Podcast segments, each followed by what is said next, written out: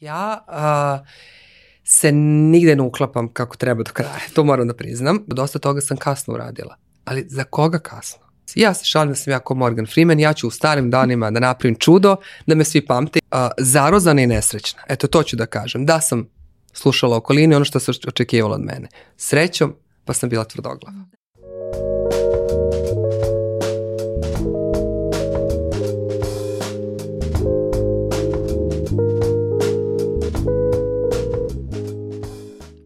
Milica gradi dve paralelne karijere i zamislite, kada se predstavlja uvek stoje jedna uz drugu. Glumica i beauty trenerica. U obema je priznata i ostvarena. Iako je studirala istoriju, gluma je od ranog detinstva bila njen san, a četkice za šminkanje joj dođu kao joga. Smiruju joj duh i pomažu da pronađe fokus. U sve to, Milica Jeftić je nakon 40. godine rodila dvoje dece i hodajući je primer žene koja i u 45. izgleda i osjeća se odlično. U duhu slogana Grand Cafe, hajde da imamo vremena.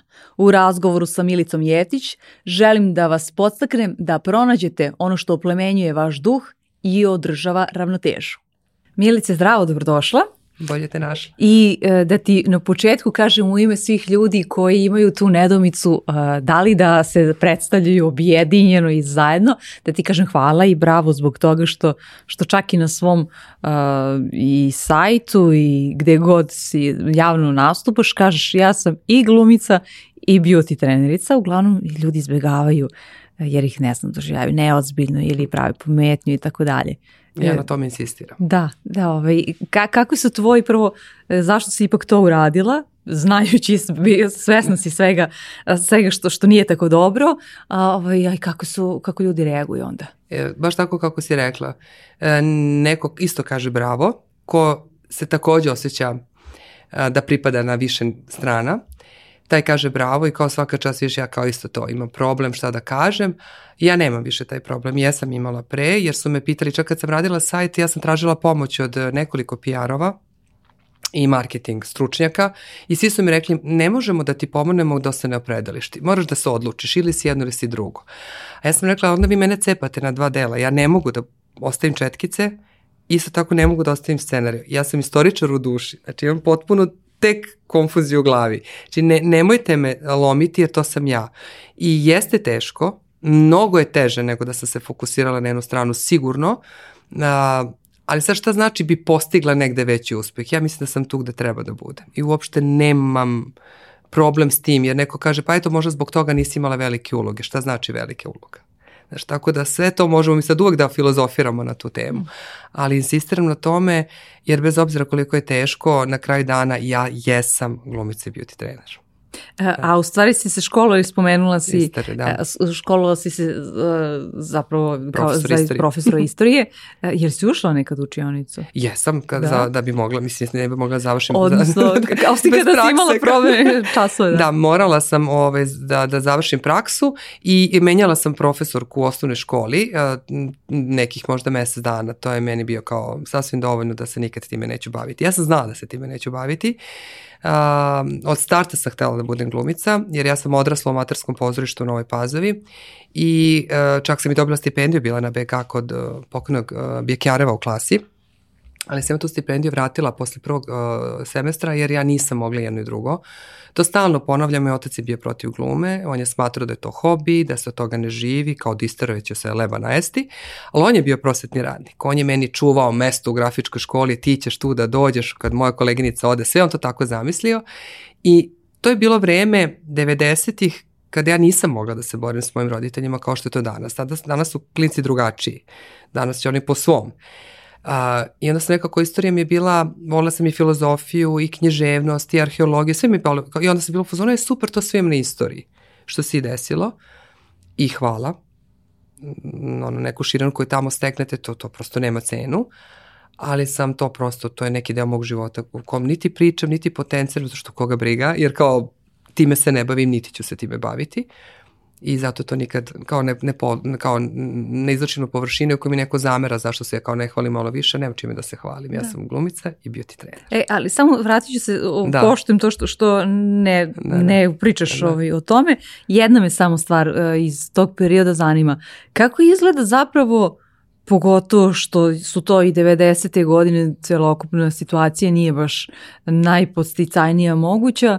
E, kako je, kakav je tvoj entuzijazam u tom momentu? Ti znaš da se školuješ za nešto što ti je samo ok, voliš tu materiju, ali ne toliko da bi dočekala penziju u tome. Mislim da nisam puno razmišljala iskreno.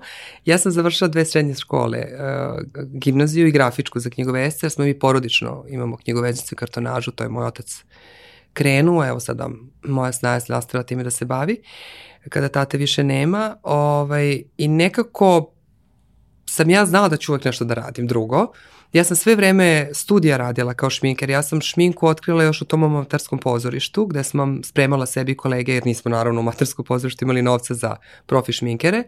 I tako je sve to krenulo. Ja sam uporedo sa 17 godina već počela da a, prvo da prodajem šminku, da zarađujem, da bi mogla da kupim sebi šminku, a, da radim tu šminku. E, posle se desio taj moj prvi kurs veliki kada, mi je, kada sam pozajmila od brata novac, sećam se, upisala sam, bila sam a, 16. na listi, I sad roditelji su me pitali šta hoćeš.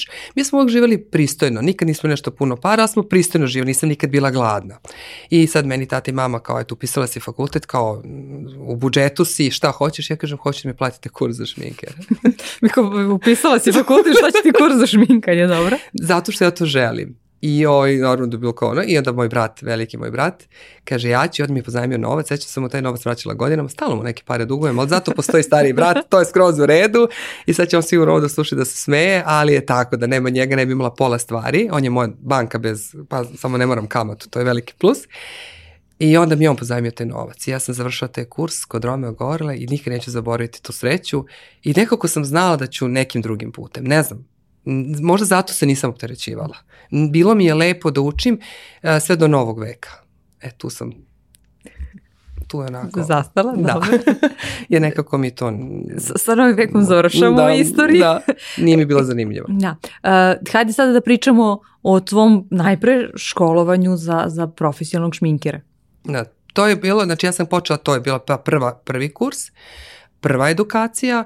A, nakon toga sam a, završila Aleksandro Flamingo, to je do, a, za televizijsku i filmsku šminku. E, posle došao a, Yves Saint Laurent, kada sam...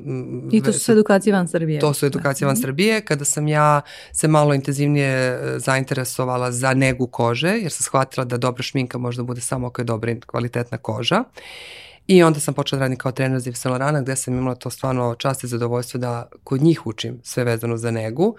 I to je onako, onako jedan period života koji je stvarno bio poseban. Usput sam završila i kurse za kozmetičare, čak i ovde pri našem ovaj, više, ova više strukovna škola. Prosto sam sve što sam u životu se dotakla, htela sam da imam papir da prosto ne može niko da me prozove, šta ti sad tu nešto radiš, ti se sad baviš nečijom kožom, to jeste zdravlje. Sad da sam, u, sad da moram da upišem fakultet, sigurno bi bila dermatolog. Znači, tu nema govora, to bi bila moja sigurno ono kao kao ovaj, izbor, ali u tom momentu meni tad, sa mojih 18, meni 19, nisam razmišljao o tome da bi ja kao išla na medicinu, to kao, mhm. nemam ja pojma gde ću ja na medicinu. E, ali, ali ipak, sad... ipak jesi, stvari, na neki način prosvetni radnik tako je, i edukuješ tako, ljude, možda tako ne u srednjoškolskim ili u klupama tako u osnovnoj školi, ali između ostalog si saradnik u nastavi i povremeno ovaj, u Novom Sadu na fakultetu, je li tako? Pohvali tako, se. Tako, da, da, da. Na farmacijonskom fakultetu sad u slabije vreme, sad sve to zavisi ko je od uh, asistenata tamo prisutan, pa kako me pozovu, ali nikad nismo mi prekinuli zvaničnu saradnju, bilo je preintenzivnija, ali malo je korona sve poremetila sve odnose. Da, držim te moje divne radionice za nego kože i šminkanje i da, tu mi pomaže i gluma, a tu mi pomaže i metodika nastave, jer mogu da taj ispit kad položite, vi prosto možete se spustiti na svačiji nivo, da nikog ne doživite kao kako to ne znaš normalno da neko ne zna kako se koristi neki preparat, tako da je to skroz u redu. I tvoje radionice, e, tu si pronašla dodatno e, svoju dobru energiju, imaš malu praktičnu e, pozorišnu scenu. Tako je, tu si stand-up da. komičar. Ti moraš da, da zavedeš te žene i da ih držiš, da im držiš pažnju i da im daš nešto da se one zaista posle toga osjećaju dobro. Kao da su otišli na neku dobru, da pogled neku dobru predstavu, tako da to troši. Isto kao i pozorište. Ja, pošto nažalost, kažem nažalost, ne igram u pozorištu, onda mi to dođe moje malo pozorište koje gde sama putujuće, imam, putujuće bukvalno imam sve svoje sa mnom i scenografiju i ovaj, i, i, i, i rekvizitu i sve tu. I režiram sama i sve sama i nekako ide to, ide da. to lepo. E, kako si se vratila glumi, hajde tako da kažem? E, da, e, da, gluma je pronašla mene ponovo. Ja sam, kažem, igrala u pozorištu i onda sam jedno vreme napravila pauzu. E, posle tog napuštanja ovaj, akad, BK akademije, to, kada sam vratila stipendiju ovaj, na BK akademiji za glumu, bila sam baš onako, teško mi je bilo, baš sam bila onako, ja, ok, nikad neću više možda biti, neću, oću, neću, oću. I onda se desilo da sam radila, e, došla sam da šminkam za jedan italijanski projekat, došla sam kao šminker i Angelina, casting direktorka je mene sačekala, bukvalno sam ulazim, to se sve dešavalo u KPGT-u. Mm -hmm. I ja ulazim u dvorište i meni je gleda, ko si ti, koga tražiš, gde si? Ja kažem, pa ne, došla sam da radim šminka. Kakva šminka, imam šminku, treba mi glumica. A ona je imala žena dramu da nađe glumicu koja će igrati mlađu verziju mm, jedna od tih glavnih likova, nosećih likova te serije. I ona ne znam koga sve nije zvala na casting, ali niko ne liči. Ja sam zaista fizički ličila na tu ženu. I ajde, ajde. I sad ja sam u tom momentu, ja rekao, ova žena sigurno zna da sam ja igrala, možda nešto gledala. Nisam bila sigurna da li ona mene sad tu zeza ili šta je, da li da skrivena na kamera I ona kaže, ajde, pusti, naćemo šminkera, to svako kao, im lakše će, dajde vam odmah, ona mene kod, ja kažem, daj da se javim, Nataša me neka zvala, ne čovjek, ne u tom momentu, ne znam ni tu moju sada drugaricu, Nataša kao, daj čekaj da vidim, ne mogu da idem sada, jurim reditelja, čekaj žena, došla sam da radim nešto drugo. Ajde, ajde i odvede ona mene. I onda sam ja tako dobila tu veliku ulogu u toj italijanskoj seriji gde su oni svi kao pa ti, pa ja rekao ljudi ja to znam, mislim to radim, to, to sam ja. I onda sam shvatila u stvari da to jeste moment da se ja vratim glumi, to je bilo 2000 deveta, deseta, tako nešto. I kao, aha, to i dalje čuči u meni, ipak se ja toga nisam odrekla, ipak ja moram tome da se vratim i tad sam krenula. I ti tada da. imaš više od 30 godina u da, tom trenutku. Da, da tako je. Mhm. Da, da, e, da. Radila si između ostalog um, jeli, šminku za različite uh, filmske projekte i tako dalje. I sad u tom momentu dok se ti nisi vratila glumi, hajde kažemo da, vratila, ovaj glumi, je li ima sad to trenutko neke kao ono, u tebi kao malo Tugeni. Kako se da posmetaš? Ti jesi deo čitave te ekipe, ali ne na način na koji si možda pre ono, 15-20 godina pre toga zamišljala da ćeš biti. Da, da pretpostavljaš da me pitaš. Vidi, ja... A, se nigde ne uklapam kako treba do kraja. To moram da priznam, jer kad sam, dođem na set kao šminker, imam osjećaj da ne dajem svoj maksimum, jer često bi ja još nešto tu kao sve, pre svega zbog te nege koju toliko volim i znam, a prosto to na snimanjima nije toliko potrebno. Ti tamo trebaš tehnički da uradiš neku stvar. A onda s druge strane, uh, i onda imam osjećaj da ta, ta da čak i te koleginice uh, iza kamere uvek me malo gledaju kao da njima ne pripadam potpuno, a s druge strane, kad sam kao glumica na setu, onda me glumci gledaju kao malo, aha, nisam ni njihov deo, tako da sam ja tako negde u ni tamo sam ni vamo. Moram ti priznati da mi je to mnogo gađalo do pre nekoliko godina. Baš mi je bilo teško kao daj šta ja radim. I onda sam shvatila da je to takva glupost i da je to njihov problem, da to sa mnom nema nikakve veze. Naravno radiš na sebi i dostigneš neke, neke, neke, neko stanje ono svesti i kažeš to je moj izbor, ja to želim, ja to mogu i znam šta dajem i znam koliko znam i kao nećete me poljuljati. I tad kad sam to postavila sama sebi, tad je sve krenulo totalno drugačije. Jer više nemam, valjda ja ne, ne širim tu energiju nesigurnosti i toga da je negde ne pripadam, nego prihvatam da radim ono što se meni u tom momentu radi. Neću pošto poto prihvatiti nijedan projekat, ni kao glumica, ni kao šminker, jer ja imam izbor. E to je onaj, moj, to je onaj moment kada ti radiš dva posla, čak i tri, i onda imaš izbor. Ja, ja mogu sve to da ostavim da kažem moj radi, moje snajke, kažem e, ja dolazim da radim u knjigovezici i da radim s tobom. I da me baš briga. Znači nikad neću ostati bez posla, jer i za to sam se školovala.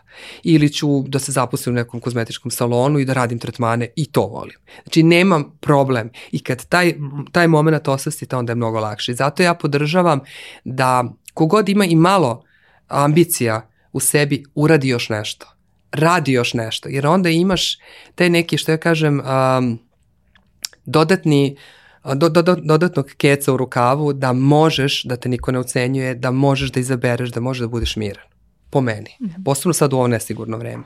U trenucima kada ono, neki projekat u bilo kojoj tih oblasti ne ide baš kako valja, mm a, a tom, tom periodu dok nisi ovako raščistila potpuno, jer si razmišljala tako, dobro, možda ono, džaba što sam se ja školovala i e, za ovo i za ovo kada me ne prihvataju. Ima to i ovaj, dalje. Ovaj, Stoji da, to nekad a, a, i dalje. Se ja nekad pitam da li, ali kažem sa mnogo manje mm-hmm. sada stresa to prihvatim. Dešava se, ali to je problem opet i našeg uh, mentaliteta. Ja sam imala situaciju gde sam došla uh, da razgovaram da radim make-up. Producentkinje, pričale smo, u tom momentu film koji sam ja radila s Britancima je otvarao fest.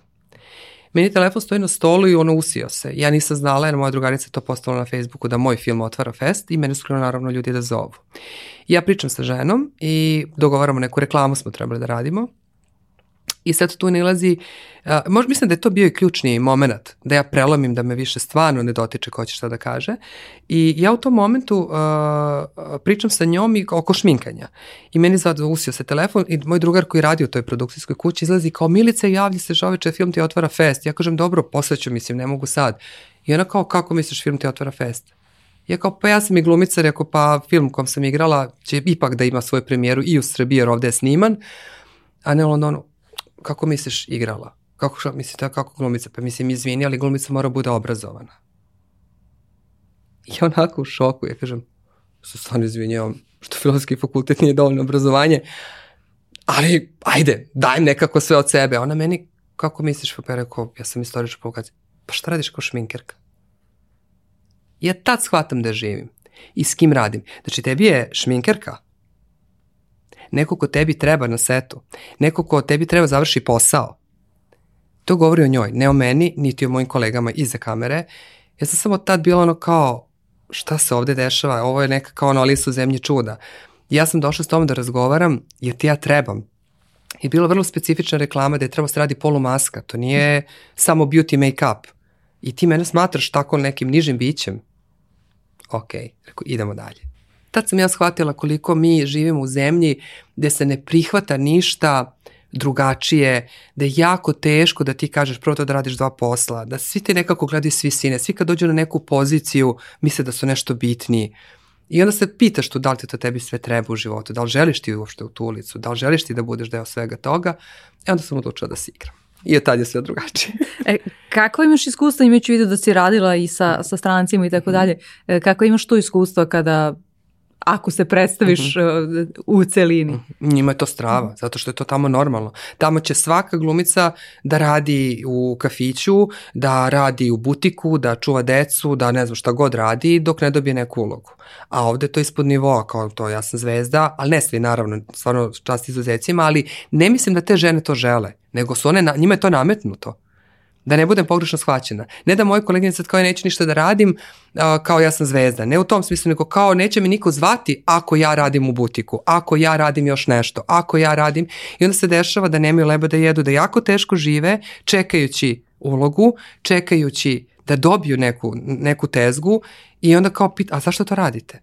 Zašto ne radiš još nešto? Možeš da radiš još nešto. Možeš da radiš neke lepe radionice, možeš da, da se baviš, može radi u prosveti i tekako može. Sad evo ima toliko ovih, ovaj, ne znam, radionice za javni nastup. Ko će to bolje da radi nego glumci? Mislim, ima prostora, nego se nekako im osjećaj kao da, da je, i vidim ponekad u razgovoru sa njima da imaju, jo, ćuti, dobro, imaš ti te tvoje četkice, drži se toga. Pa ko ti brani da uradiš još nešto? Zašto sebe sputavaš? A vidim da imaju potencijala.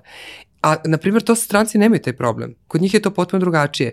Meni se čak ove devike um, s kojima sam ja bila na tim mojim radionicama i workshopovima u Londonu, one su mene u jednom momentu zavidele kao, ja, blago tebi, ti si šminka, ti tač uvek znaš castings i gde se šta dešava. Kažem, ne, nije mi blago. Reku, u Srbiji to drugačije, jer ovde ako dođem kao šminker, mene će kolege reći, kad me vide, kao što si došao kao šminker, znaš da to nije u redu šta nije u redu? Pa sam ja ukrala nešto, jesam ja nemoralna, jesam ja loša zbog toga što sam došla da radim a u ostalom i to je uh, vrlo značajan deo ovaj, tog posla i tog krajnjeg proizvoda koji će... Mnogo je važan. Da, da, koji ćemo da gledamo na bilo kom ekranu. Da. Mnogo je važan, čak ima koleginice neke koje vole kad ih ja šminkam jer su onda sigurne. Jer znaju tačno da ja znam šta treba da dobijemo na kraju.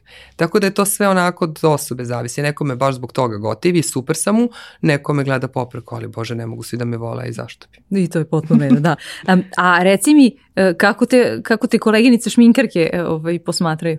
moraš njih da pitaš. Kažem ti, ponekad imam osjećaj da nisam. Ima par njih s da. kojima ću uvek da radim i s kojima sam baš onako uh, super konektovana, ali neke ne, kada, kada, kada, dođe, kada dođe do trenutka da za, za neku scenu ili za neki... A da one mene rade. Tako. A pa tad bude ti ćeš to sama. Ti to znaš i ti ćeš to sama. Da kažem nemojte to da mi radite, neću samo. Hoću da vidim kako mene neko drugi vidi.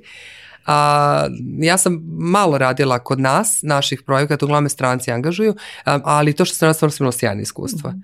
Te neke serijice, stvarno su bile neke mlade devojke, e, ok, na čelu sa ovim iskusnim šminkerkama i onda one kao, je super, tebe će da raditi neka asistentkinja zato što znaju da ću ja to i da iz, iskontrolišem. To je baš bilo onako ono igra očima, ajde ti ćeš to da iskontrolišeš, kao mogu da te prepustim jer uvek je frka, znate, imate, kad imate puno glumaca, Treba ih se treba, se, srediti, treba se da. srediti i onda one kad ja dođem, one njima nekako, oh, kao dobro je, ona će iskontrolisat će i može ona to sama. Da. I onda to Pitam te da. to zato što e, nedavno mi je bio gost e, Marko Edge i koji kaže kao u jedno vreme kada sam krenuo u uspon za klubsku fotografiju, onda su me krenuli moji nastupi, odnosno zvali su me ljudi e, i da nastupam, pa onako dobiju otprilike jednog, odnosno dva u jednom, dva u jednom tako je. Uh, ili ovaj, imaš ti takvu, takvu vrstu iskustava? Da, to se često dešava dešava. To se često desio, sad je bilo smešno ovaj film što sam radila sa Amerikancima. Ja sam došla i počeli smo da spremamo trailer, znači tek su krenula je pripreme, mene zove casting direktor Nenad i kaže, e, kao, možda dođeš jedan casting da uradiš uh, za jedan film, kao snima se u Beogradu, ja kažem, koji? Kažem, pa horror skopira, kažem, divno, upravo sam u traileru, spremam se da radim šminku za taj film. I on kao, dobro, javi se gore rediteljima koji izabrao nas i kao, i to je toliko bilo smešno, jer ja kao, se to rešava i onda sam otišao gore da sa ja im, red, pošto su dva reditelja u, u pitanju, kod njih, ali kao ja mogu da skine masku pa ćete me prepoznati pošto smo radili s maskama, ja kao to sam ta, ova sa slike. Dešava se, to se dešava često i to jeste plus ali to bude i nekad i problem, jer onda se oni plaše, aha, ako mene uzmu sad za tu jednu neku scenu, to su uglavnom male uloge, ovaj, da ne trpi make-up iako nema potrebe time da se bavi. Moja ekipa mhm. će uvek stati da me podrži i ona će da iznesu moj deo posla da bi ja odigrala to što treba, ali to sad stvarno je zavisi. Kad već pričamo o, o, ovaj, o glumi, e, sada, su ti, sada su ti sveži utisci da. sa snimanja tog e, horora. E, koliko je teško, e, znam iz razgovora sa glumcima da oni kažu ok, kao nas mnogo uče kako da uđemo u neku ulogu, ali e, prilično malo se govori o tome i dosta imamo problema da izađemo iste Tako uloge. A, šta, je, šta, je, šta tebi predstavlja poteškoće ili imaš li neki, sad umeđu vremenu si našao neki svoj recept za izlazak iz ula? Mislim, iskreno, ovo mislim da, da se pre svega odnosi na muškarce. Sad će da me mrze što ću ovo da pa, kažem. Pa zapravo ja jesam čula e, i na prvo mesto iz, iz e, usta jednog muškarca. I ja to kolegi. često govorim ovaj, ljudima koji nisu, koji se ne bave ovaj, glumom i koji nisu kolegi, ovaj, kažem ja nemojte s glumcima ništa da imate. U smislu, njima je sve drama, njima je sve teško. Znate, kada ste žena, i sa, svaka žena će se s ovom rečenicom, rečenicom složiti, vi već imate minimum pet uloga dnevno vi ste i mama i domaćica i e, poslovna žena i komšinica i sve da stigneš i sve da uradiš i spisak je veliki ti se šaltaš iz uloge u ulogu nesvesno. A to su žene. Sad ja znam da muškarci to ne mogu da prihvati, da će sada ispasti ovakve i onakve i da će da me kaže, ja vidi ova sad tu brani žene, ali to je tako.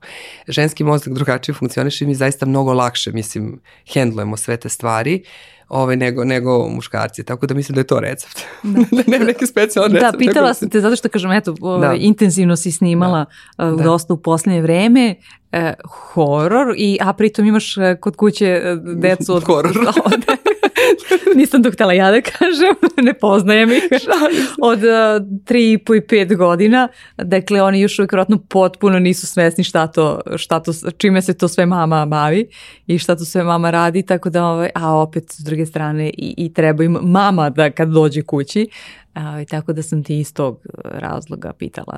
Da, um, ono, ne znam, bez njih ne znam sad svoj život ne mogu više da zamislim uopšte bez dece sve se promenilo na bolje.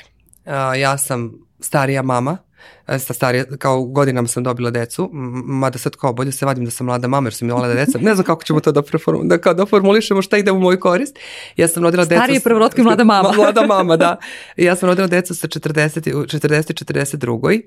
Kada sam bila potpuno spremna, sigurna i svesna te odluke da želim da budem mama. Uh, i moje neprospavane noći i, i dalje tako mnogo toga što sam podnala i neke žrtve zbog, zbog toga a, kada te zagrle i kada dođe tako noću pa se ušuškam u krevet i kad mi kaže mama dosla si, sve pada da sve više ništa ti više nije teško. Nema Odmah veze što se vratiš i izađeš iz uloge. Odmah znaš da si spavao samo dva sata i da je sve u redu i da sve može i ideš dalje i, i nekako je, ne znam, sa njima je sve lakše koliko god da je teško i, i dinamično i može, moraš mnogo da se organizuješ, stresne situacije mnogo lakše sada hendlujem jer imam njih.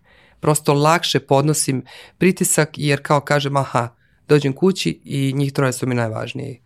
Moji, moji bebci i moj suprug i kao to je to. To je moje carstvo koje ne dam. I to je neka ta sigurna, sigurna zona i nekako tu je sve dobro. I onda tu se valjda i puni ta, nešto kažu, iako nismo baterije da se punimo, ali ajde, tu se nekako ovaj, pripremam za dalje. Da. A, e, ono što u okviru u kontekstu priče čitave kojom se bavi ovaj podcast, to je taj ovaj Vuka svet, mm -hmm. je li? A, e, ti si postala mama po svojom odlukom u 40. godini, tada prvi ne. Da. put, i sada samo po strani ćemo staviti naravno uh, one žene koje, ili koje, parove zapravo koji iz zdravstvenih razloga ne mogu ranije da postanu uh, roditelji i one e, mame ili roditelji koji uopšte to ne žele. Dakle, tako da te kategorije su ne podrazumevaju, ne podrazumevamo ih samo o, naglašavamo naprosto, jer niti ni ja nismo osobe koje takvu vrstu društvenog pritiska naprosto žele nekome e, da nametnu. E, dakle, e, ono što, što je stvarnost nekako tog vuka sveta je da će e, roditelji sve kasnije postajati, vrlo, u vrlo čestim slučajima, ovaj, sve kasnije postajati roditelji, pa me iz te perspektive zanima tvoje iskustvo, ti si kao jedna vrlo o, formirana osoba a, sa svojim navikama kakvim god a, e, ušla a, u roditeljstvo i sad ti imaš neke ideje, svaki roditelj ima neke ideje kako će to sve da izgleda, tako da to nikad ne, ne izgleda i koliko se priprema ne izgleda. Ovaj, tako i koliko je vama sad trebalo nekako vremena da se ti samo sa sobom da se poslužiš i vi kao porodica da se poslužite? Iskreno, nama je to išlo glatko, ne znam kako. Da li smo imali sreće s Konstantinom, da je on bio divna beba. Da mi je Lola bila prva beba, tu bi već bilo možda malo teže, jer ona bila na Nemirko koji je plakala je tri meseca. Nikako nismo, to je nekako, eto, dok smo se nas dve konektovale. A, s njim je nekako bilo lagano. N, n, ne znam, ono što hoću da kažem da zaista ono što si sama rekla, poštujem odluku svake žene koja ne želi da bude majka i kažem svaka čast. Super, ako je to stvarno u dubini duše tvoja odluka, ja podržavam, jer ne moramo svi da budemo roditelji. A, ovaj, čak neko možda i ne treba da bude roditelj, roditelje znamo i vidimo i svedoci smo raznoraznih situacija. Ali oni koji se bore za potomstvo i koje prolaze kroz sada jako teške situacije. Ja jedino želim da kažem da ne odustanu, da nikada ne odustanu. Posebno što sada, sve više sam gost, e, gostujem i dosta me pozivaju baš zato što sam starija prvorotka. Ja sam potpuno prirodno ostala trudna i u 40. i 42. Čak sa Lolom nisam znala da sam trudna pet meseci. Znači ja sam dojela, to je bio šok za mene kao trudna pet meseci, misli, šta se desilo, ja, štreberka, kako je to mogla se desiti, u stvari Lola je odlučila da se rodi. Je vrlo jednostavno. I stalno me zovu um, baš zbog tog mog ličnog iskustva da budem neka vrsta Uh, podrške i motivacije tim ženama i sad evo koristim i ovu priliku da kažem nemojte da odustanete zato što zaista se nikad ne zna kad je taj moment kada će vaša beba vama da dođe. Jer e, tu treba mnogo toga da se skocka. Meni se skockalo to da sam uh, možda je to baš bio moment ono, e, to je to, sad sam skroz spremna. Da li je to bio neki okidač u mojoj glavi da sam ja uh, kad sam upoznala ovaj, meni, ovaj, drugi partner u životu u smislu braka, ja sa bivšim mužem nisam imala decu, neću da kažem na srećnu radost, to je neka ono što kažu uh, bivša priča, ali kada sam upoznala Dejana nekako mm, se tako su se kockice sklopile, e to je to. I ja sam znala da ću imati dete s njim. Ne znam kako da ti to objasnim. To je prosto, ok, to je to. I Iako ste vjerojatno mnogi otpisali kao majku. Odavno su me otpisali kao majku, a to za badanje nosa u srpskom sinu, zašto nemaš decu, a šta kako, a kad ča čekate, to je tek posebno za ljude koji prolaze kroz tešku situaciju. E, promenio mi se život mnogo, zaista, a u stvari prioriteti su se promenili. Ono što je dobra stvar, otpali su uh, prijatelji po znacima navoda, znači ljudi koji nisu mogli da skapiraju da je više nema vremena za, uh, za gubljenje, a, ostali su u mom okruženju zaista ljudi koji, a, da, i to nisu sve mame, da se razumemo, tu imate kako žena koje su se isto borile za potomstvo, neke, nažalost, neće biti mame nikad, jedna od njih je moja kuma, a, ostali su u mom životu zato što su prihvatili novu milicu, u smislu sa novim, s novim obavezama, sa novim odlukama životnim, jer vole mene. Tako da su to bile dobre stvari kada kasnije rodiš. Ja sam koliko god delovalo možda um, čudno, ali mnogo smirenija mama nego mlađe devojke. I obično kažu kad si mator nema živaca. Po meni to nije istina. Mislim da mi stari roditelji, ne zato što sam ja stari roditelj, ali mislim da mi stari roditelji mnogo više živaca imamo. Jer smo prošli masu toga. Ja nemam za čim nešto sad kao da pati. Meni ništa ne nedostaje. Meni ne fali klubovi, meni ne fali noćni izlet. Sve sam to prošla. Znači ja tu vrstu više neko kao jao nešto, nešto sad gubim, ne gubim ništa.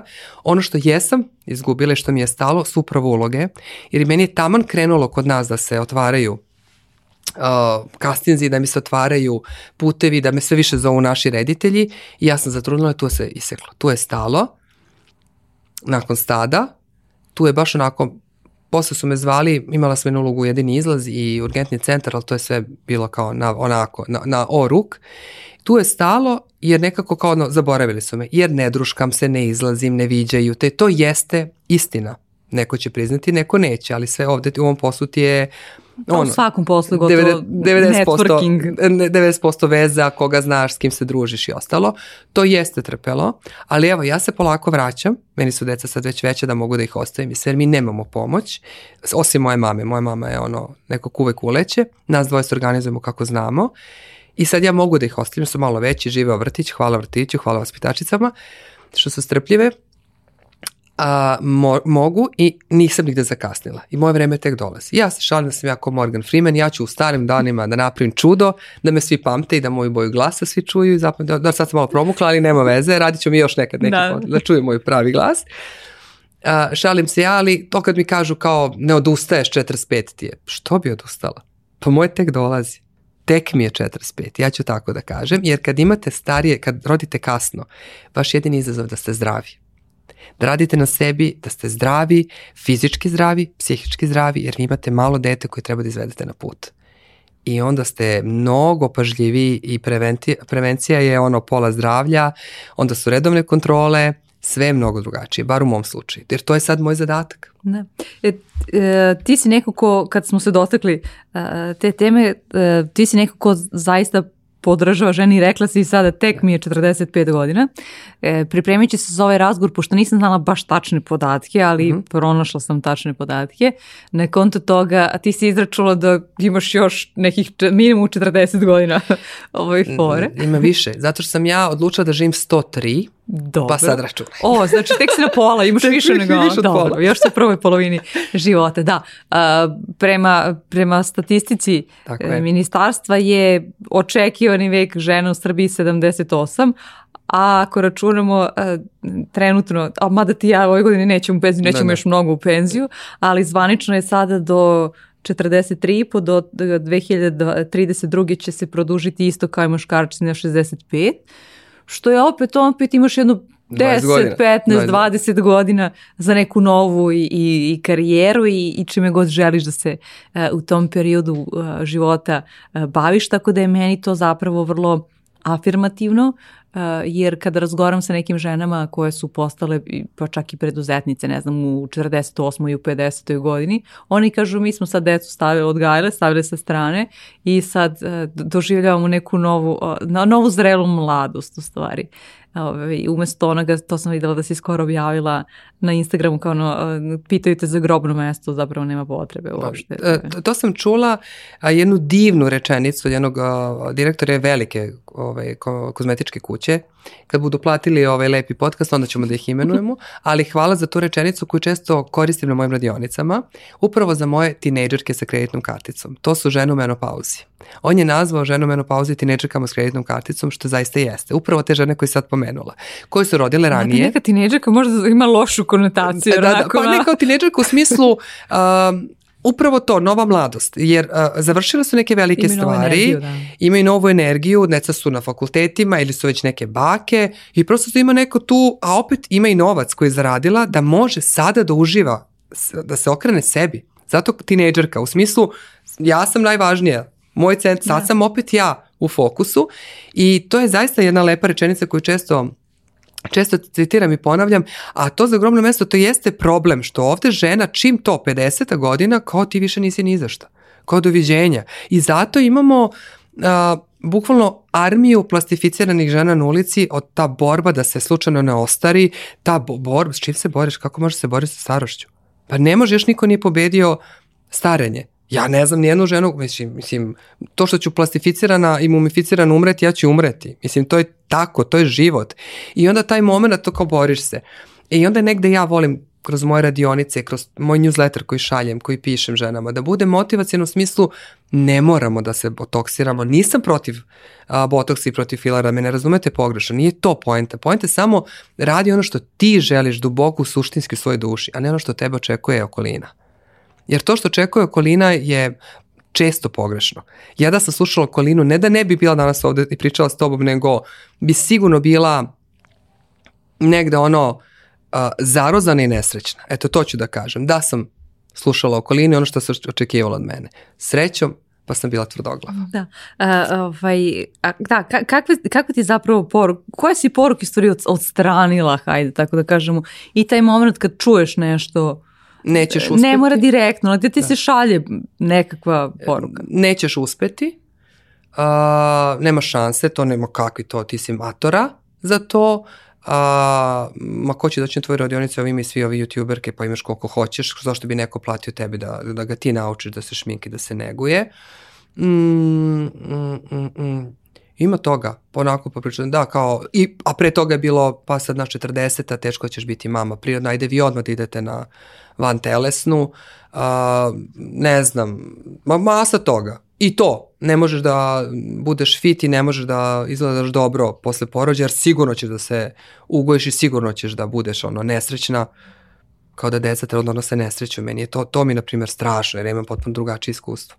Meni su deca donala radost, potpuno neku drugu boju u život. I, i motivišu me da idem napred. Oni mi ne daju da ostarim. Kod mene to drugačije. Da, a šta, šta sada, sa, sada si spomenuo e. što nekako sebi kažeš šta je tvoja refleksija uh mhm. -huh. posljednjih godina, poslednjih pet godina, a, a ranije šta si govorila u tim trenucima sebi kad, onako, kad, kad primiš baš mnogo poruka koje nisu da. afirmativne. Da. Šta sam govorila sebi? Pa sumnjala jesam, sigurno imala sam momente da ja posumnjam, ali ne često. Možda to ima veze sa tim odrastanjem u malom mestu kada si ti drugačiji drugačiji zato što si radoznao, zato što ideš na sve sekcije, zato što voliš sve. Ja sam volela i da idem, ja se bavim sportom i ceo život sam nešto vežbala. Nikad nisam bila profesor, ničim se, nikad se profesor nisam bavila sportom, ali sam uvijek imala neku sportsku aktivnost, pa su tu bili mili nekih sekcija u školi, pa dramska, pa literalna, pa recitatorska, pa onda idemo, onda na hor, pa hoću tamo, hoću vamo, onda moja mama ono za glavu, a ma ne možeš dete sve ali ja sam uvek sve stizala i bila sam odličan đak. To je onaj štreberski, klasičan štreber, koji kad se dobro organizujem, a ceo život sam znala dobro da se organizujem, to je valjda ili urođeno ili su mama i tata tu nešto uradili do moje pete godine da se ja ne sećam, ali sam uvek imala dobru organizaciju. I to i sad imam, evo s dvoje deca stižem sve sve funkcioniše kad je dobar raspored, tako da nekako sam tu uspela da... Pa je li imaš da- sad neko tenok i kažeš da ti to urađeno, ovo, ovaj, si pokušala da kažeš ha, šta ja to dobro radim, kako da prenesem to drugima? Pa trudim se ovaj, da ih ne ubeđujem, nego da ih uveravam. Biram reči koje izgovaram, znači neću da te uvodim u bedu, nego da te uvodim u veru. Znači uveravam ih da im je neophodno da odvoje vreme za sebe, uveravam ih da treba da se bave sobom. Ako kroz negu i šminku žena odvaja za sebe desetak minuta dnevno, što njoj daje njeno vreme. Mi smo često, uh, uh, ovaj, često krećemo za, za izgovorima. Ma ne mogu, nemam vremena za ovo. Ma ne mogu, ja super, da, lako je tebi. Kad mi kažu lako je tebi, tad samo počne da se smijemo onako grohotom, da super lako mi je, jeste. Stvar izbora, zaista i prioriteta, ali ja, e, poštujem žene koje ne vole, nije pojenta u make-upu, pojenta je u odvajanju vremena za sebe.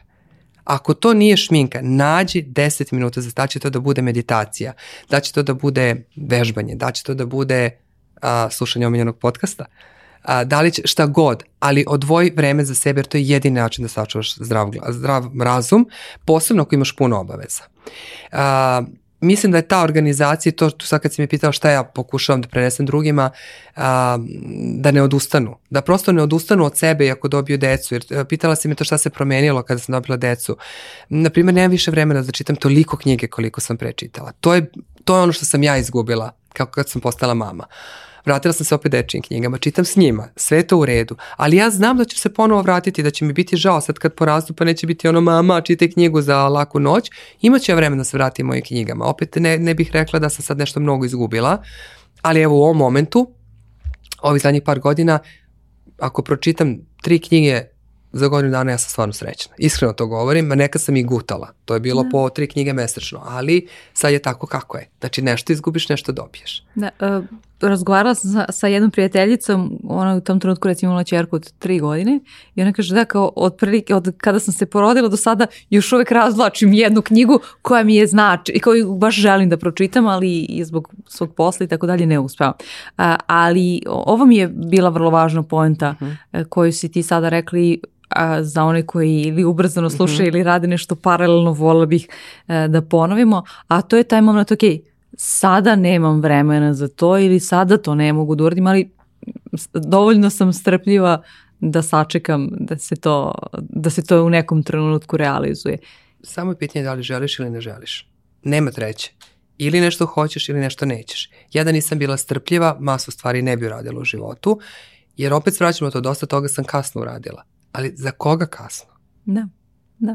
Ali posto, postoji nešto, e, e, još mnogo toga što si između uradila što je ispunilo a, tvoj život. Da. Tako da sve u svoje vreme, a upravo, mislim, to su izgovori. Mi, mnogo smo, mene ono što smeta sada što smo svi toliko a, površni postali i to da se spakuju dve sekunde, daj mi nešto instant.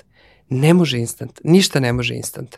E, ako želiš nešto da čuješ, to mora da traje, evo, naš razgovor sat vremena. Da bi ti mene upoznala, moramo da popričamo Moramo da odvojimo vreme da pričamo jedne s drugim. Ne možeš ti mene da upoznaš za dva minuta. To isto kao kad žene hoće da im ja snimim video, e, ne mogu na radionicu, aj ti to meni nešto zbrzaj. Pa ne mogu da zbrzam, jer sve to traži određeno vreme, traži a, fokus. Mi nemamo više fokus, izgubili smo fokus. I gledam po deci, na nama je Zato ću zaista uvek da pomenem, sigurno i ti pratiš Rajević, doktor Rajevića, dokle ide taj fokus, kada mi ako deci mi dozvolimo da nemaju fokus, oni će da rastu tako, u nama, na, na roditeljima je. Ja. Da. Mi se trudimo da se igramo s njima, trudimo se da im, ono, usmeramo pažnju da imaju fokus. Sad dok su ovako mali, jer ako se raširite, e, to je to sad krećemo i sad ja kroz njih u stvari možda ja učim da ja grešim i kad vidim, aha, ako ja dete teram da ima fokus, pa čekaj šta ja radim onda povučem ručnu i kažem ne može sve, stani Milice. Stani, ne može sad, nemo sad jedno po jedno, pa će doći. Ja sam stavila, aha, odslušati podcast prvom prilikom. Ok, krenut ću danas u pet, pa ću do srede u pet da odslušam emisiju, ako me to stvarno zanima. opet vraćam na to da li želimo ili ne želimo. Da, e, i, i ima tog kao, da li ti je stalo do nekog upoznaš, e, ovaj, postoje neka, hajde kažemo, po, i koja jesu i ostaju površni, to je u redu, ali onda ne možda ga šep, volao bih da upoznam nekoga detaljnije i dublje ili kako god, da, onda treba da posvetiš neko vreme. To mi isto kao i za bilo kakvu vrstu edukacije, ne možeš postati preko noći e, bilo šta, to je taj, taj privid znanja zapravo i sa kojima ljudi u mnogim profesijama imaju dodatno problem. E, I možda je to nekako razlog zašto se tebi ne veruje, hajde da kažemo, ne tebi konkretno, mhm, ali Razumem ljudima ovaj, poput tebe, pa šta, ona je to negde zbrzala je nešto ili ovaj, odslušala je dva mhm. neka kursa i sad je došla tu da nas šminka i tako dalje. A, ovaj, I zato, zato su nam va, važne i vredna bilo kakva vrsta studioznog obrazovanja. Ne mora to da bude ono, ono potpuno formalno, jer nije ni to pot, uvek stopostotna da, da. garancija da da neko ume to i u praksi da, da prime, primeni, od mnogo čega zavisi, ovaj, ali nam je bitno da budemo u našem pristupu studiozni ka nečijem znanju i da proveravamo nečije znanje onda ukoliko nam njihove usluge ovaj, i bilo kakve vrste trebaju. Da. Sad si me podsjetila upravo na to da ja sam sigurno da dolazi vreme da će se vratiti pravi stručnjaci. I zato ja kažem, moje tek dolazi. Jer sad je toliko naglo to sa instant, imamo svega previše. Gledaju se brojevi, followeri, gledaju se lajkovi, gledaju se tako neke stvari koje će u jednom momentu sigurno pući. Nema šanse ovde, da možda grešim, ajde, možda sam ja ono staromodna žena koja kao i dalje veruje u, u, u ono kao, u, da će da se prepozna kvalitet, ali vidim kad mi dođu žene na radionice, vidim šta pričaju, I onda mi je, jo, kako te nisam ranije našla? Ja znam da moraš biti aktivan na mrežama da bi došao do ljudi. To je prosto tako. Ja ne mogu da bežim od digitalizacije, od toga da ti treba da budeš prisutan u medijima. Ali je problem što se sve vrte isti ljudi. Onda ti nekako ne možeš nikako koliko god ti želiš ti napriš tri koraka, pa onda deset nazad i sve tako kao napred, nazad, napred, nazad. Ali upravo u tom moru svega, ja mislim da ko želi može da prepozna svog učitelja za bilo koju oblast, uvek kažem učitelja nekako da. šta god da radiš, taj neko je tvoj učitelj. I, i, I mislim da upravo to, ako odvojiš vreme i za prijateljstva, i za odnose, i za uh, bilo kakvo učenje, ti moraš dobiti rezultat. I taj se rezultat vidi pre ili kasnije. Uh, i, I I negde ja, ja kažem ne odustajem i, i, i verujem i dalje da će mi se ponovo vratiti i otvoriti ti neki kastinzi i da će videti naši reditelji da ima puno dobrih glumaca, ne mislim samo na sebe, a, ima puno dobrih glumaca koji nisu imali šanse. Neki su i stariji od mene, a tako, tako eto, tu su u nekom zapećku, zato što ih ne primećuju, nisu bučni ili nemaju kontakte. Tako da se sve nešto nadam da će da se desi neko čudo no, ono, no, no, iznad, iznad Srbije, da, ono, ovaj, na ovom nebu i da će onda doći sve. Sad pričam iz uglova mojih profesija, ali definitivno mislim da je tako za sve. Evo, tebi, ja sam slušao dosta tvojih, tvojih gosti, jer svi imamo isti problem. Znaš, ili to da ti nisi shvaćen, nisi prihvaćen, nisi, ali na kraju krajeva svi imamo svoje neke, da kažem, um, verne ljude, verne, evo ja, moje žene koje mene prate, to su to je jedna divna ekipa, to je takva jedna energija koju ja na tim mrežama razmenjam sa njima. Ja vidim koliko one imaju tu poverenje, to poverenje ne smem da izigram. Ja to poverenje ne smem da izigram tako što ću se prodati ili nešto uraditi što bi kosilo sve ono što ja pričam godinama. Tako da to možda jeste teži put, kad gledamo sa strane, ali za mene to je jedin ispravno. Kako si odlučila, eh, između ostalog, da. Eh, organizuješ i radionice eh, i sada to je preduzetnički duh. Tako je. I s jedne strane, ha, umesto da kukamo da li nas zovu na castinge, da li nas zovu da, da da šminkamo da. koga ne. god u kojoj god a, ovaj, formi, mada sam još prošle godine u septembru u kontekstu priče koliko se toga snima u Srbiji, pa čak i ako uzmemo samo domaće e, serije, e, čula da su sve šminkerke dostupne angažovane do maja 2023. Znači u septembru 21. se Tako znalo je. praktično narednih više od godinu i po dana. Tako da ovaj, ima posla ko hoće ima, da radi, ima. što se kaže. Ali je bitno nekako i e, da organizujemo nešto što je naše, jer onda mi diktiramo to uslove ali i, tada je potrebno da imamo određene druge kapacitete, ne samo da smo stručni u određenoj oblasti i tu je tebi isto bio dodatno novi iskorak E, da se osmeliš da praviš sama radionice, hajde kažemo da se osmeliš, ali zahtjeva ne samo tvoje stručno znanje u toj oblasti, već mnogo više od toga. Tu su zaista krivci, e, Mija koja je bila tvoj gost i Tatjana Šopčić iz HR centra, one su zajedno. Koju također da, da. znam, da. dobro. Da, njih dve su krivci, evo sad javno kažem. Um, one su me uvukle u celu tu priču jer ja sam radila kao trener za različite brendove i stalo su me, su me kozmetičke kuće zvale da dođem da održim trening, da održim radionicu I onda u jednom momentu Tanja meni rekla, dobro, zašto ti ne bi napravila lepo radionicu, svoju radionicu, ti prvo imaš i znanje i, i, i imaš iskustvo, trenersko iskustvo, to je tipično trenersko iskustvo ili predavača, kako god, zašto ne bi napravila lepo koncept svoje radionice, gde ćeš ti obične žene, znači ne žene koje treba da prodaju tamo neki proizvod, kao što je to bilo radeći za Yves Saint Laurent, gde sam ja držala treninge ženama koje prodaju Yves Saint Laurent, pa ne znam, radeći ovaj, za neke druge kompanije, tim prosto imaš, znači tim ženama koje treba da prodaju tvoj proizvod, ja njima držim trening. Ti si bila trener, trener za trenera, odnosno trener Tako za, je, prodavca, za da. prodavce. Da. E.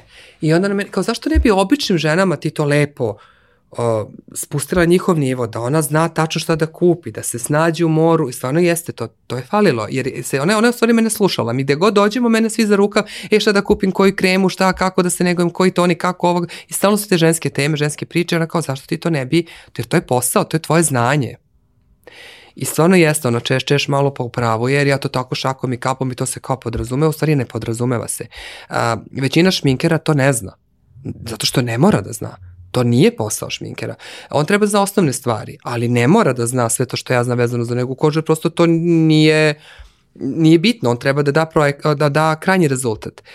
A, I tako da sam ja korak po korak se osila da sa njima krenem u tu celu avanturu. Prvo sam sa njima radila te radionice, onda sam naravno i sama. I e, onda sam ja odlučila da budem preduzetnica kada sam ovaj, kada sam rodila dete I znači ja sam imala, bila ona mama koja nije imala nikakva primanja, nikad je bila trudna, ni ona mama koja je imala nikakva primanja kad je rodila decu. I sve vreme sam održavala firmu Ne pitaj me kako, a bila je u minusu. Nisam žela da je zatvorim, bila sam u fazonu možeš ti to, izguraćeš. I, ovaj, I nije mi žao, zato što imam, biti preduzetnica u Srbiji je jedan poseban tek Znači, e, biti žena je prva, pa onda tek biti žena preduzetnica. O tome, to, to, kao... to ni Dante nije mogu da, da, da dobaci. Da, da, dobro. da, naravno. I ja kažem, o tome možemo tek da diskutujemo i da pričamo i drago mi je što ima sve više konferencija, što se dešava sve više to osnaživanje žena. A, žensko preduzetništvo, evo skoro smo imali na Zlatiboru, a, ja sam bila moderator doduše tog događaja, gde smo osnažili te žene, dali su, dobili su ozbiljne ovaj, alate u ruke da pokrenu, da malo u stvari ne da pokrenu, nego da ojačaju svoje privatne biznise jer mislim da je to neophodno. Ženama treba edukacija, treba njima da se bavimo, a, jer sam, samo tako na taj način možemo stići do toga da zarađujemo isto kao muškarci kada smo sami svoje gazde. Pošto u vreme dok mi ovo pričamo, da. a, ako poredimo muške i ženske plate u na da. istim pozicijama, žene već rade besplatno. Ovaj, od sredine novembra da. do kraja godine žene rade besplatno da. A, a da ne pričamo o kućnom poslu, ali dobro. To, to je, tek, da. Ako, ako govorimo samo, dakle, onom, onom zvanično a plaćenom delu.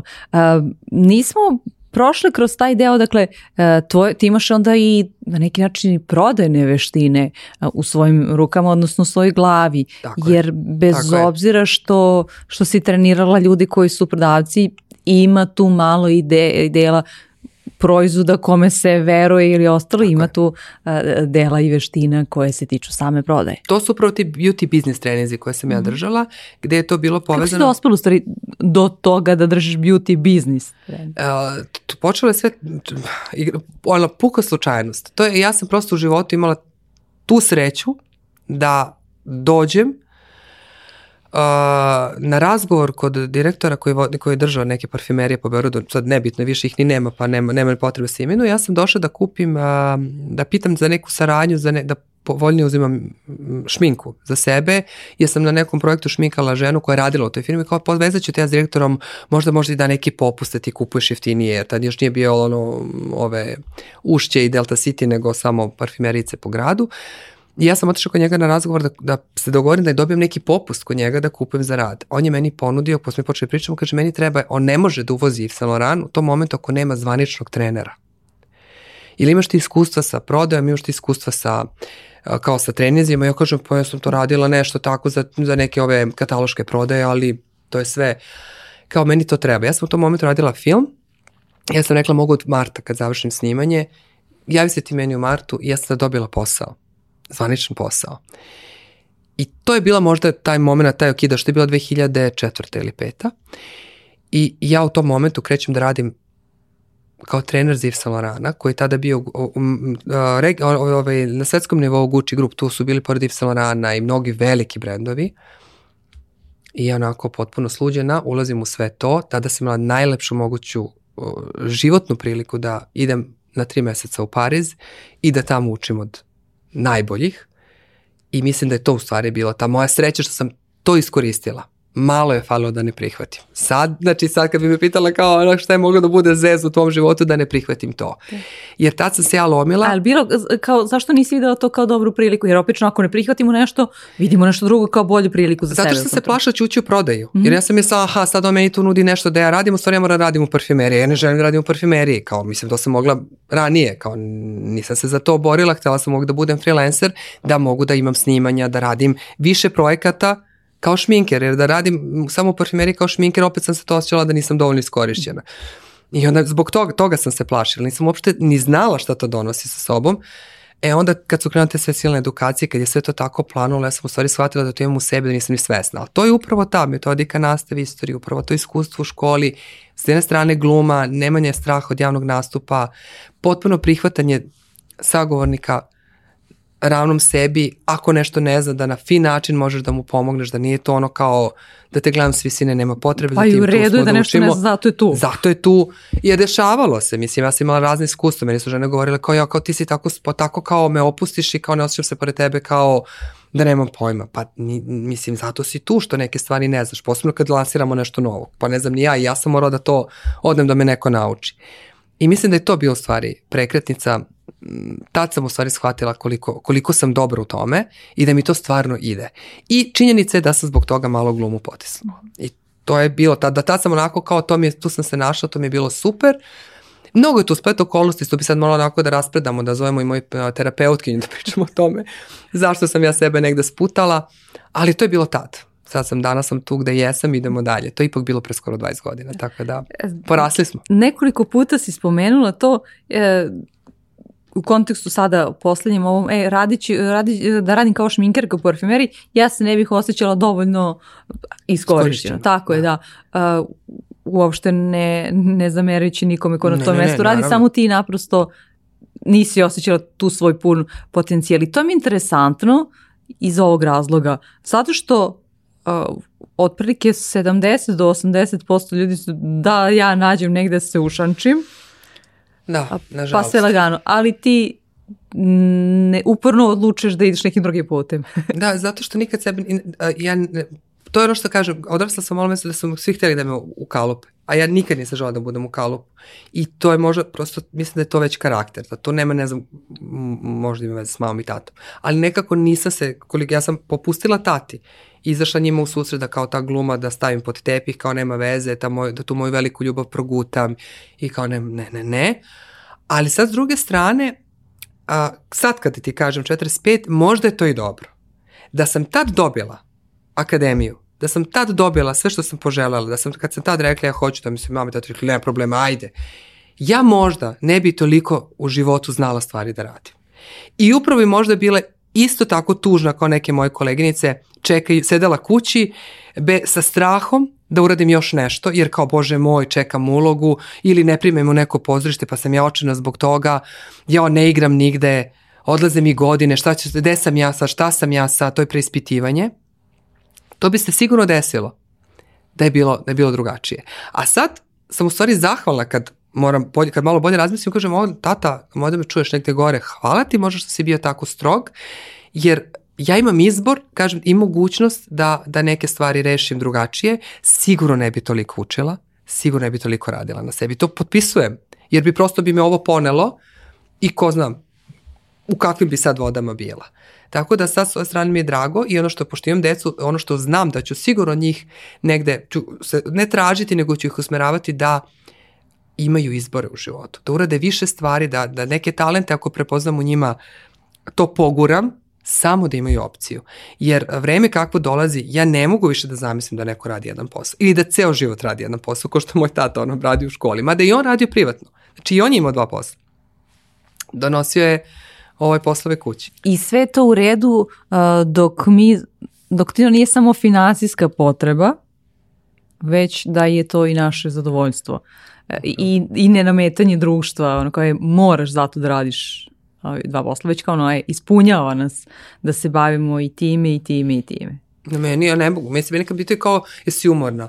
Jesam fizički umorna, ali ja, ja nikad nisam umorna kad se vratim s posla. A, kažem, osim kad je ovako baš nešto iscrpljuće duže, sad sam radila i make-up, ceo projekat, dva i po mesta, to je stvarno bilo naporno, a po 16 sati dnevno pričam sa odlacima, dolacima na set, jeste naporno, ali to ja volim da radim. O, to, su, to, to sam ja i ja, ja se ne umorim na poslu. Meni je posao zadovoljstvo i onda nekako nemam taj osjećaj. A znam ljude koji su umorni od posla. Da.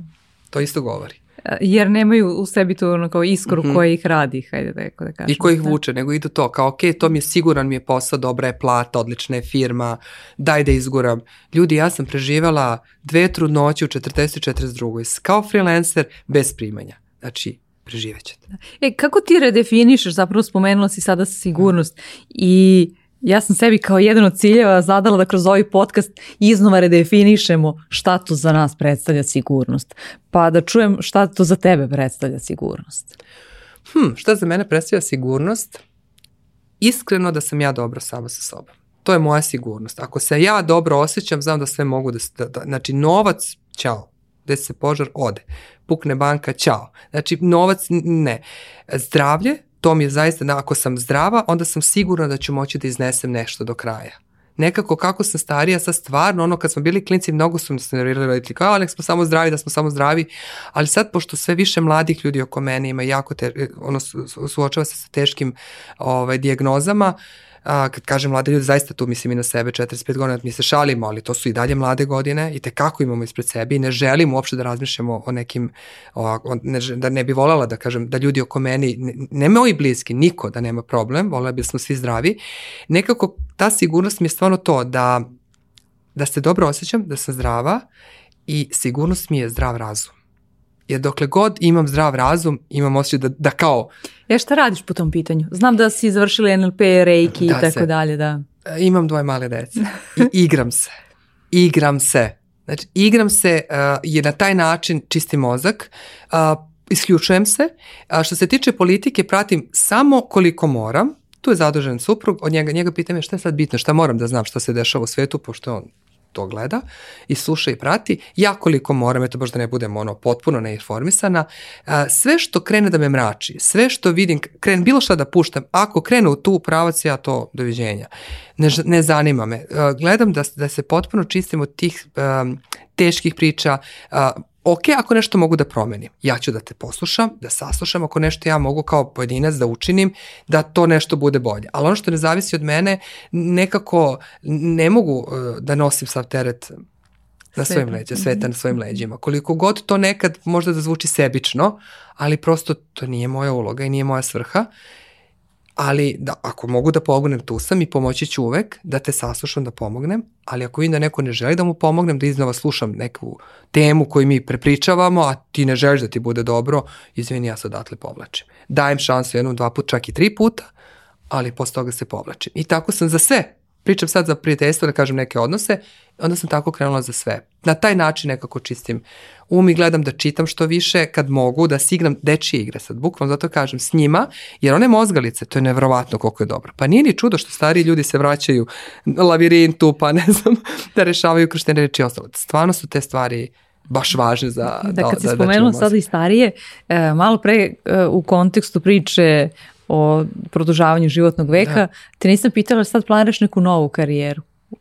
Mm, čekaj, ko, Ili... pa, pa pazi, novu karijeru, mm, pazi, ne znam.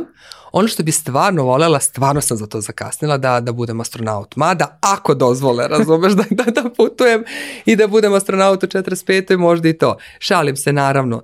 Nekako mi taj svemir uvek zanimljiv bio. A, neku novu karijeru, ne. Samo bi volela uh, ne da bi volala, nego znam da će to da se desi, da ću malo više imati prilike da igram uh, i da, kažem, taj moment može da tu se nešto još mhm. više otvori i zato ne odustajem to je, je razlog zašto ne odustajem, a ovaj, da će da bude neka nova, joj ne znam. Sad si mi, vidi, sad si mi bacila žiško, sad ću da razmišljam šta bi ja to mogla još da radim, mada mi se jako sviđa tvoj posao, ovo je jako lepo, vola bi tako možda, eto, možda bi mogla da vodim neku emisiju. Da, Ali to da. mi nije daleko od glume, znaš, nekako puno glumaca je angažovano na taj, angažovano na taj da, da, način, tako da mi to nije ništa sporno, znaš, tako da mi to nije... Ali sad si tu ideju pustila na koje, eh, ajde, dobro. sad ćemo da vidimo šta može da se desi po tom pitanju. Mada sad kad si, sad si me podsjetila to kao, kad si me pitala na početku, nisam ti rekla Dakle, to kao uvek je problem, čudno kad ja dođem. Znaš, ali upravo to, glumac može da bude voditelj, može da bude producent, može da bude reditelj, ali ne sme da bude šminker, znaš. To je malo onako, eto ja ću da dokažem da može sve držim fige za to. E, da zaokružimo sa dva da. pitanja koje svakom gostu postavljam, a to je bez kog znanja ili veštine ti danas ne bi bila ova Milica sa kojom ja razgovaram. Hmm, ali možda Sabina. Može. Može, da kao znanje ili veštine. Ok, osobina, mm-hmm. da. može to što iako nekada ljudima delujem ozbiljno i previše zvanično, to je samo zato što sam fokusirana na posao kad nešto radim i kad nešto pričam i odatle ova, ova borica. Ja nisam te razumem. Mrgud, nisam mrgud, optimista sam u duši i uvek u svakom momentu i u najtežoj situaciji ja ću naći svetlo ja ću naći zašto je to trebalo se desi i naći ću lekciju koja će meni pomoći i otvoriti neka nova vrata, neku novu ideju da, da budem voditelj ili nešto. što ko zna ko će ovo da sluša pa me pozove, eto vidiš, otvoreni smo za sve saradnje. Optimizam. Mhm. Koji ceo, e sad, jednom su mi rekli, e, ti znaš da je optimista loše informisan pesimista ok. Biram da to budem onda. Biram da to budem. biram da to Tako budem. je. I kod mene, znači, ta, i upornost. Znači, kod mene nema prepreke, ako ne mogu pravo idem okolo, ali upornost ne preko leševa, nikada takva nisam bila, ako ne mogu pravo, kažem, naći ću put, ok, potrošit ću godine, otiće vreme, ali ću ja polako ili sigurno se vratiti na onaj autoput i biti na svom putu bez, bez odustajanja i prosto ne tolerišem izgovore. To je možda nešto što kao, kod mene izgovori ne postoje. Možda ne ovog momenta, nije moment, ali kad neko krene da, ali ja već Znači, izgovec tražiš izgovor, nema izgovora. Sve može. I ko si u suštini ti? Kad sklonimo sve ove uh, titule i one formalne i neformalnim obrazovanjem dobijene kroz tvoju e, karijeru, mm -hmm. ko je u suštini Milica? Mm -hmm. E ovako, da si mi to pitanje postavila pre pet godina, sigurno bi ti drugačije odgovorila. Ali danas, tačnije posle 6. decembra 2017. ja sam mama. Ja sam superjunak. Ja sam žena zmaj. Svaka mama zna zašto ovo govorim. Opet kažem, žene koje ste odlučile da ne budete mame, respekt, svaka vaša odluka, mame koje niste još uvek super heroji, super zmajevi, nemojte da odustanete, vaš tek dolazi, a sve mame znaju šta je biti super maj. I čestitam ti na tom. Hvala, hvala ti. Hvala tebi.